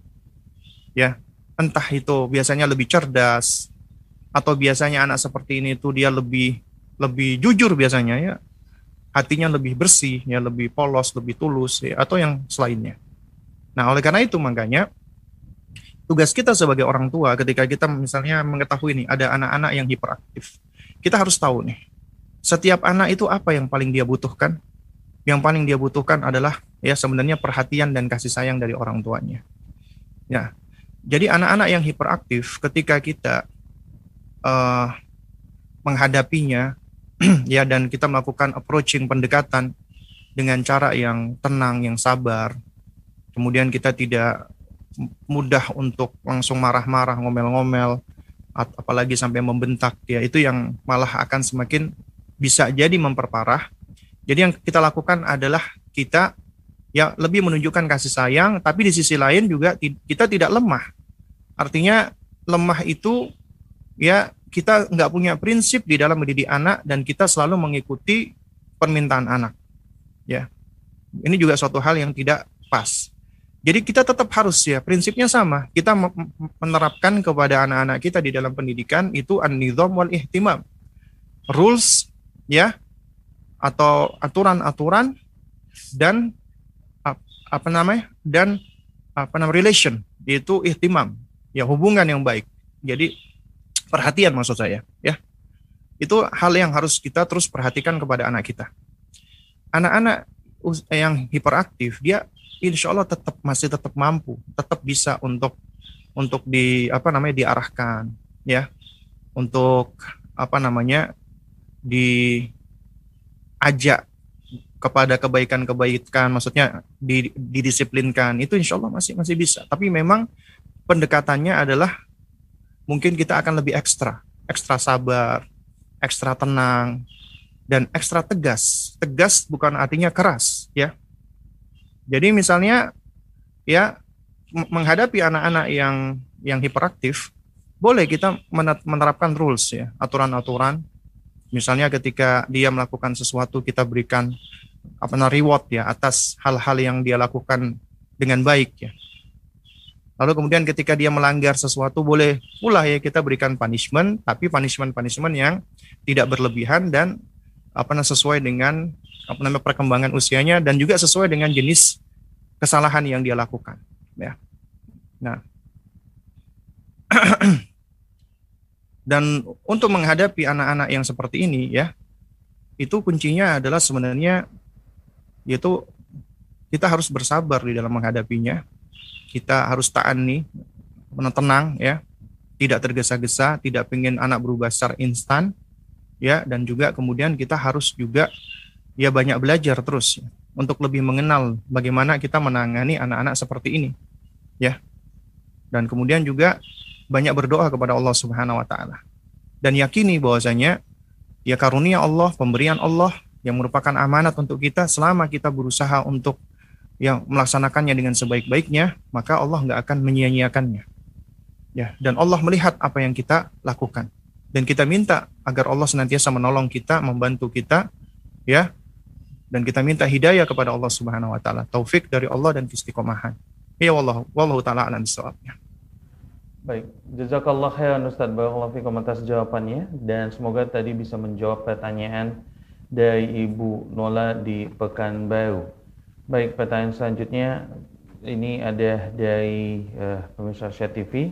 Dan bagi Anda yang ingin bertanya langsung dengan Ustadz, silakan untuk menelpon di line interaktif kami di 0822 88886630. Kami ulangi di 0822 88886630. Nomor telepon tersebut juga bisa Anda WhatsApp untuk mengirimkan pertanyaan kepada guru kita Ustadz Abu Salma Muhammad Hafizullah Ta'ala.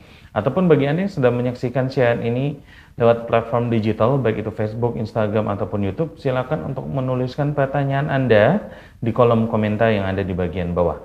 Baik, kita akan masuk pertanyaan berikutnya. Assalamualaikum Ustadz.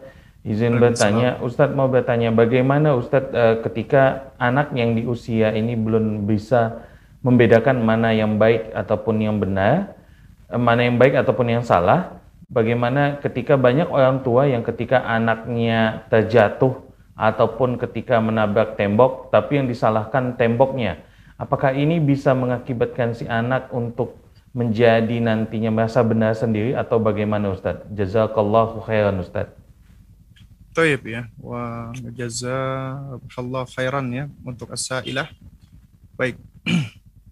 Jadi uh, di antara ya karakteristik anak yang nanti akan kita bahas lebih detail lagi di pertemuan-pertemuan berikutnya ya sebagaimana nanti uh, kita akan lebih banyak menukilkan ya faidah dari Dr. Ahmad bin Nasir atau Yari dalam bukunya Kaifatu Rabbi Abna'aka. Di situ ada ya 14 ya, karakteristik anak-anak usia dini ya, usia tufulah 7 uh, 2 sampai 7 tahun ya. Nah, di antaranya adalah karakter mereka adalah apa? Ada mutamiz bainal khata was sawab. Belum bisa membedakan antara benar dan salah. Dan juga mereka belum bisa memprediksi tentang bahaya. Jadi mereka belum mengerti mana yang bahaya, mana yang bermanfaat. Itu di usia-usia seperti ini. Tapi dengan dengan uh, berkembangnya atau bertambahnya usia mereka dan bertambahnya pengalaman mereka, akhirnya mereka pun belajar karena Allah sudah berikan kemampuan ini. Ya, sedikit demi sedikit ya, qalilan qalilan. Jadi itu semakin bertambah. Lalu kemudian tentang bagaimana ketika ada anak yang misalnya dia terjatuh Lalu kemudian misalnya dia jatuhnya karena kesandung karpet atau karena misalnya dia uh, apa dia jatuh kemudian dia ketabrak tembok lalu kemudian yang disalahkan temboknya yang disalahkan karpetnya. Ini jelas keliru. Ini jelas salah. Ya. Ini adalah di antara metode-metode orang-orang tua kita zaman dahulu. Yang disebut kalau nggak salah namanya metode apa namanya? pukul kodok istilahnya. Dan zaman sekalian yang menggunakan Allah ya pernah ya uh, beberapa waktu yang lalu ada orang tua yang sempat berkonsultasi tentang anaknya. Dia menceritakan bahwa anaknya ini suka memukul temennya. Suka memukul-mukul temennya. Ketika dia marah, temennya dipukul. Kemudian kata sang ibu, kita nggak pernah mengajarkan seperti ini. Abinya nggak pernah, kakaknya nggak pernah, ya, juga kakek neneknya juga nggak pernah gitu loh. Lalu kemudian dia juga dibatasi tontonan-tontonannya, artinya dimonitor. Nah, ibu ini bertanya, ini kenapa Ustadz anak saya kok suka mukul-mukul Ustadz? Jadi ketika dia marah, dia suka mukul. Saya dipukul, eh, semua dipukul gitu kan. Nah ini jadi memang bisa jadi banyak faktor sebenarnya ya ketika anak ini memukul ya. Karena memang tidak mesti dia harus mencontoh dulu karena bisa jadi ketika dia merespon sesuatu dengan menggerakkan tangannya ya secara respon ya lalu kemudian dia belajar merasakan suatu sensasi di situ dia merasa senang nah cuman ternyata selidik punya selidik ya setelah beberapa waktu ya itu butuh waktu kurang lebih selama beberapa bulan akhirnya si ibu ini dia uh, apa namanya dia menyampaikan bahwasanya ternyata Ustadz ya jadi intinya Allah berikan kita petunjuk nih apa petunjuknya? Ketika si anak ini menghabiskan waktu dengan neneknya, neneknya baik sebenarnya. Neneknya baik, sabar. Saking sabarnya sayang sama anaknya. Nah, ternyata ya ya uh, apa namanya si neneknya ini ketika si anak ini jatuh ya, itu memang akhirnya yang disalahkan adalah yang menyebabkan jatuh. Misalnya ya ini si ibu ini cerita jadi pernah suatu ketika anak saya itu jatuh ke sandung karpet. Dan saya ketika itu memang pas lagi di rumah dan ya apa qadarullah ya apa namanya uh, saya akhirnya menyaksikan di situ. Jadi nenek ibu saya itu dengan sabarnya sabar menenangkan anak saya yang sedang menangis. Lalu kemudian ya lalu digendong, dipeluk sama nenek saya, diusap-usap. Kemudian nenek saya bilang, "Ya, jangan nangis ya, jangan nangis oh ini karpet yang salah ya, ayo kita pukul karpetnya. Jadi dipukul bareng-bareng karpetnya. Dan ini ternyata jamaah sekalian muliakan Allah, sadar nggak sadar mengajarkan kepada anak-anak kita ketika dia lagi emosi, ketika dia lagi lagi marah, ya yang dia lakukan adalah apa? Dia menyalahkan, menyalahkan yang lainnya. Kemudian dia mengekspresikan kemarahannya dengan cara memukul. Akhirnya ketika dia kesal sama uminya, dia pukul uminya. Ketika dia kesal sama temannya, dia pukul temannya. Ketika dia kesal sama gurunya, dia pukul gurunya. Kenapa? Karena yang dia pelajari adalah ketika dia lagi marah, dia lagi kesal, dia lagi sedih, adalah dengan cara memukul. Itu yang dia pelajari. Dari pelajaran sederhana yang mungkin nggak disadari oleh neneknya karena dianggap ini adalah pendidikan yang mungkin baik atau efektif. Tapi ternyata tidak, gitu loh. Dan ini juga suatu hal yang tidak benar. Kenapa? Karena karpet atau benda mati tidak bersalah. Dan juga yang kurang baik adalah ya maksud maksud saya yang juga kurang baik adalah apa? Ketika si anak itu tidak dibiarkan untuk mengeluarkan mengekspresikan kesedihannya, langsung disuruh berhenti. Waduh, udah yuk berhenti berhenti, jangan nangis, jangan nangis gitu kan. Kita jangan melarang anak kita untuk menangis. Karena menangis itu adalah bagian ekspresi dia untuk mengeluarkan emosinya. Biarkan dia menangis, namun kita tunjukkan kita memperhatikan dia, kita menyayangi dia, kita ada ya. Ya kita kita apa namanya? kita care dengan dia. Itu yang seharusnya kita tunjukkan. Nah, jadi jamaah sekalian mulakan Allah. Bagaimana caranya yang tepat apabila kita mendapati anak-anak seperti itu? Yang tepat adalah ketika dia misalnya ya uh, jatuh, kemudian kepalanya terantuk tembok atau kena batu, maka kita ajarkan dia konsep bersabar. Jadi konsep yang pertama yang harus kita tumbuhkan adalah syukur, yang kedua sabar. Ajarkan dia bersabar. Kemudian biarkan dia menangis dulu. Kemudian kita tunjukkan empati. Kita peluk dia misalnya, kita gendong dia atau kita pangku dia. Kemudian kita katakan, ya misalnya anak itu pasti sakit. Kita tanyakan, kita tanya kepada dia itu, sakit ya nak, sakit nak. Wah, bagian mana nak yang sakit nak? Berarti kita berempati. Dia tahu ya uminya itu merasakan dia sakit. Kemudian anaknya menunjuk misalnya kaki kumi, oh kaki ya, yang ini ya iya, iya. Ya sabar ya nak, sabar. Insya Allah nanti akan hilang sakitnya. Doa minta kepada Allah, ya Allah hilangkanlah penyakitku. Ajarkan seharusnya seperti itu gitu loh. Ya, ajarkan dia bersabar. Insya Allah sakitnya akan hilang dan hilang dia juga akan akan diem dan ajarkan dia untuk selalu bergantung kepada Allah, meminta kepada Allah, ya Allah hilangkanlah sakitku ya Allah. Dan ini konsep yang jauh lebih baik daripada kita menyalahkan yang nggak salah. Baru kemudian boleh setelah itu kita ajarkan konsekuensi ketika dia sudah tenang. Jadi berikutnya ya nak, hati-hati ya, jangan lari-lari, kalau di dalam rumah yang sempit, kalau mau lari-lari di taman, di tempat yang luas, ya. Seharusnya kita ajarkan seperti itu. Ya. Soalnya ada loh orang tua ketika menghadapi anak seperti ini itu ada dua kubu yang ekstrim. Yang pertama yang tadi, ya anaknya nangis, udah diteluknya anaknya, kemudian iya nakal ya temboknya ya, ya udah nanti besok Umi marahi atau nanti Umi marahi temboknya. Ini mengajarkan nggak nggak baik. Apa salahnya tembok sehingga tembok perlu dimarahin?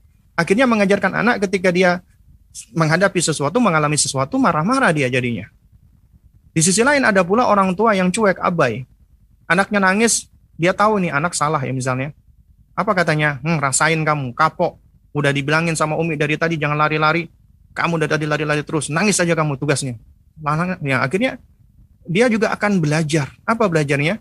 Ya, dia belajar untuk apa? Bersikap antipati tidak sensitif, nggak punya empati. Jadi ketika dia ngelihat temennya kena musibah, ya dia cuek aja, bahkan dia mungkin apa ketawa atau mungkin ngerasain kapok kamu, ya. Jadi ternyata ini hal-hal yang mereka serap dari kita, dari orang tuanya atau dari sekelilingnya tanpa kita sadari. Ya Allah, Allah taala alam Baik. Baik, jazakallah khairan Ustaz Barakallahu fikum atas jawabannya. Semoga tadi bisa menjawab pertanyaan yang disampaikan pada kami. Dan berikutnya ini ada pertanyaan lewat pemirsa kita di Facebook. Ini dari Ibu Ni'matul Nurul Husna. Bismillah. Ustadz, bagaimana kita tahu telah mengenal Allah sehingga kita bisa mengenal emosi kita seperti yang Ustadz jelaskan tadi. Apabila seorang ibu yang belum mengenal emosinya sehingga semisal si ibu mengantuk, membuat emosinya tidak stabil yang berdampak nada tinggi ke anak bagaimana sebaiknya si ibu lakukan. Terakhir Ustadz, ketika ilmu perihal emosi ini baru diketahui si ibu saat ini, sedangkan anak pertama sudah mau TKB, kurang lebih usia hampir lima tahun. Bagaimana mengejar keterlambatan ini Ustadz? Mohon nasihatnya Ustadz. Jazakallahu khairan, barakallahu fiqh. Baik ya. Wa jazakallahu khairan wa barakallahu fiha. Jadi ya konsep man arafa rabbahu arafa nafsahu ya ini sebenarnya uh, bahasan yang cukup panjang ya yang memang perlu kita bahas ya atau kita pelajari ya. Karena konsep ma'rifatul zat yang mengenal diri kita berarti itu ya kita perlu mengenal dengan karunia-karunia Allah dan potensi-potensi Allah yang Allah berikan kepada diri kita. Bukan hanya fisik ya. Allah tidak hanya memberikan kita fisik yang merupakan nikmat seperti tubuh kita, mata kita, mulut kita, hidung kita, telinga kita, tangan kita, kaki kita. Tapi juga yang lainnya. Allah berikan kita ya akal apa namanya pemahaman. Allah berikan juga kepada kita perasaan. Allah berikan kepada kita juga emosi. Bahkan Allah sebelumnya juga memberikan kita fitrah. Allah juga memberikan uh, kepada kepada kita algoriza, insting, naluri. Allah berikan juga apa kepada khususnya para ibu-ibu intuisi. Dan kemudian Allah berikan dengan berbagai macam potensi seperti minat, bakat dan seterusnya. Dan ketika seseorang ya dia ya belajar akidah, maksud saya belajar tauhid, ma'rifatullah, dan orang yang belajar mempelajari apa untuk um, belajar untuk ma'rifatullah mengenal Allah Subhanahu wa taala dengan cara yang benar ya. Yaitu dia mempelajarinya melalui ayat kauniyah dan ayat qauliyah ya. Lalu kemudian dia juga mempelajari tentang ya asmaul husna nama-nama Allah dan sifat-sifat Allah yang mulia. Maka semakin dia mengenal nama-nama sifat-sifat Allah perbuatan Allah yang sempurna maka dia akan semakin mengenal pengaruh-pengaruh nama-nama tersebut terhadap dirinya. Dan orang yang semakin mengenal Allah Subhanahu wa taala, maka dia akan semakin bisa mengenal selain Allah. Ya termasuk dirinya. Dan siapa yang tidak mengenal Allah, maka dia nggak akan bisa mengenal selain Allah. Dia akan menjadi disorientasi. Ya. Nah, karena itu ya untuk lebih bisa mengenal diri kita, maka kita harus lebih banyak belajar tauhid. Dengan cara yang benar tauhid rububiyah, uluhiyah, asma wa sifat, apalagi asma wa sifat. Ya, itu yang dapat membangun berbagai macam karakter-karakter yang positif. Ya. Terus kemudian selain itu juga ya, Rasulullah Shallallahu alaihi wasallam juga sudah mengajarkan kepada kita bagaimana cara kita memanage dan me, apa namanya? mengatur me, apa namanya? regulasi emosi-emosi kita. Khususnya emosi al-ghadab, al-ghadab, kemarahan. Itu sudah diajarkan oleh Rasulullah Wasallam. Ya, ya di antaranya adalah apa? Nabi menasehatkan ida apa namanya? Ghadiba ahadukum ya falyaskut. Ya, apabila salah seorang dari kalian itu marah, maka hendaknya dia diam, jangan ngomong. Kalau lagi marah jangan bicara. Ya. Juga di antaranya merubah posisi ya dari berdiri, duduk, kemudian berbaring, kemudian berwudhu dan seterusnya ini di antara ya cara-cara yang diujur apa yang diajarkan maksud saya oleh Rasulullah SAW. Namun juga sebelum itu yang perlu kita pahami bersama adalah kita bisa mengenal emosi, mengidentifikasi emosi kita. Karena orang yang bisa mengenal emosinya, mengidentifikasi emosinya, akan kesulitan mengekspresikannya. Ya, nah jadi kalau misalnya ada ibu-ibu yang misalnya dia merasa sedikit-sedikit dia mudah marah, dia mudah meledak-ledak ya, dia mudah ngamuk, dia mudah ini. Itu biasanya karena apa? Karena adanya ketidakamanan dan ketidaknyamanan, insecure, itu mempengaruhi dirinya. Dan nggak bisa dipungkiri ya jamaah sekalian yang namanya insecure, termasuk ketidaknyamanan, ketidakamanan, kegelisahan, kegundah gulanaan, dan seterusnya, itu disebabkan oleh kemaksiatan dan jauhnya kita dari Rob kita. Mau diakui atau enggak mau diakui. Karena ternyata kita jauh dari Rob kita. Karena orang yang bertakorup dekat dengan Allah pasti akan mendapatkan ketenangan. Akan mendapatkan kedamaian. Akan mendapatkan ketentraman. Pasti itu. Dan orang yang tenang, tentram, damai, pasti dia, dia nggak akan mudah stres, nggak akan mudah marah, dia akan lebih mampu mengendalikan dirinya. Nah, karena itu makanya ya jika kita merasa kita sulit untuk mengatur emosi kita, maka perbaiki dulu hubungan kita dengan Allah. Ya. Perbaiki dulu, koreksi dulu attachment kita, alakoh kita dengan pencipta kita. Karena apabila kita memperbaiki hubungan kita dengan Allah, maka Allah akan mem akan membantu kita untuk memperbaiki hubungan kita dengan diri kita dan juga dengan orang lain. Jadi banyak-banyak Bapak bertakorup kepada Allah. Banyak istighfar kepada Allah. Banyak mohon ampun kepada Allah. Banyak mohon pertolongan kepada Allah. Dan upgrade pengetahuan kita, ilmu kita dengan terus belajar. Apalagi belajar tauhid. Penting, harus, nggak boleh ditinggalkan belajar tauhid. Kita belajar tauhid itu ya nggak ada periodenya, nggak ada waktunya. Artinya belajar tauhid harus terus menerus kita pelajari dari semenjak kita lahir sampai kita meninggal dunia, semenjak apa namanya uh, mulai dari semenjak kita bernafas sampai kita akan kehilangan nafas, kita harus terus belajar tauhid. Itu adalah kunci dari semuanya. Bahkan juga di dalam ilmu parenting apa pun gak akan berguna parenting itu apabila tidak di di apa diawali dan diakhiri dengan tauhid. Tauhid minal awal wa ilal akhir. Itu harus. Ya, Mungkin ini yang dapat saya jawab ya untuk kesempatan di uh, di pagi menjelang siang hari ini. Mohon Baik Ustaz, jazakallah khairan barakallahu fikum atas jawaban-jawaban dari pertanyaannya dan kata Allah Ustaz waktunya juga sudah habis. Mungkin Ustaz bisa memberikan penutup untuk pertemuan kita pada pekan kali ini Ustaz. Baik, ya baik. Jamaah sekalian dimulakan Allah Subhanahu wa taala ya kita tahu bahwasanya anak-anak kita itu adalah amanat Allah Subhanahu wa taala yang harus kita jaga, harus kita pelihara dan tidak boleh kita abaikan. Dan ketika kita mendidik anak kita, ini memang suatu hal yang tidak mudah. Tapi Allah mudahkan bagi orang-orang yang Allah kehendaki. Dan ketika kita merasa berat, ya, dan kita merasa lelah, kita merasa capek, dan itulah yang namanya perjuangan di dunia ini. Kita nggak akan bisa lepas dari yang namanya rasa capek, lelah. Namun, lelahnya kita ini apabila itu lillah karena Allah, fillah di jalan Allah, maka itu adalah ibadah. Dan ketika kita berlelah-lelah mendidik anak kita, maka lelah-lelah kita ini tidak akan sia-sia. Insya Allah Allah akan berikan balasannya, kebaikan, investasi yang akan senantiasa mengalirkan pahala untuk kita di dunia dan di akhirat mesti apa mulai dari semenjak kita ya uh, apa namanya mendidik mereka hingga kita sudah berkalang tanah. Insya Allah pahala itu akan senantiasa mengalir.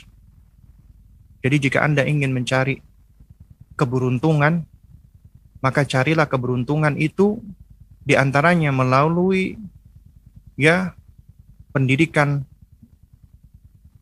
anak-anak agar anak-anak kita menjadi anak yang soleh. Yang mereka senantiasa mendoakan kita ya mendoakan kita maghfirah, ampunan, rahmah dan seterusnya. Ya mungkin ini yang dapat saya sampaikan untuk di kesempatan di pagi menjelang siang hari ini. Ya tentunya yang hak datangnya dari Allah Subhanahu wa taala, yang batil datangnya dari dari diri saya pribadi. Ya. dan insya Allah kita akan bersua kembali di pertemuan berikutnya yaitu mendidik anak atau bijak mendidik anak usia 2 sampai 7 tahun gulam di bagian yang ketiga insya Allah. Ya, ya mudah-mudahan yang sedikit ini bisa memberikan manfaatnya untuk kita semua. Wallahu taala a'lam Waktu dan tempat saya serahkan kembali kepada Bang Jiang. Baik, Ustaz. Jazakallah khairan barakallahu fikum, Ustaz. Pemirsa Asia TV di mana pun Anda berada yang dirahmati Allah Subhanahu wa taala.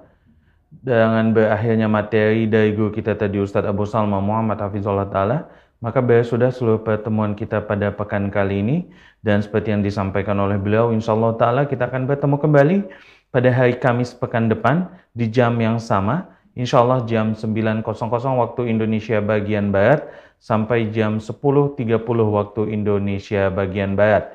Kita tutup pertemuan kita pada pekan kali ini dengan doa kafaratul majlis. Subhanakallahumma bihamdika, syadu la ilaha illa anta, astaghfiruka wa atubu ilaik. Assalamualaikum warahmatullahi wabarakatuh.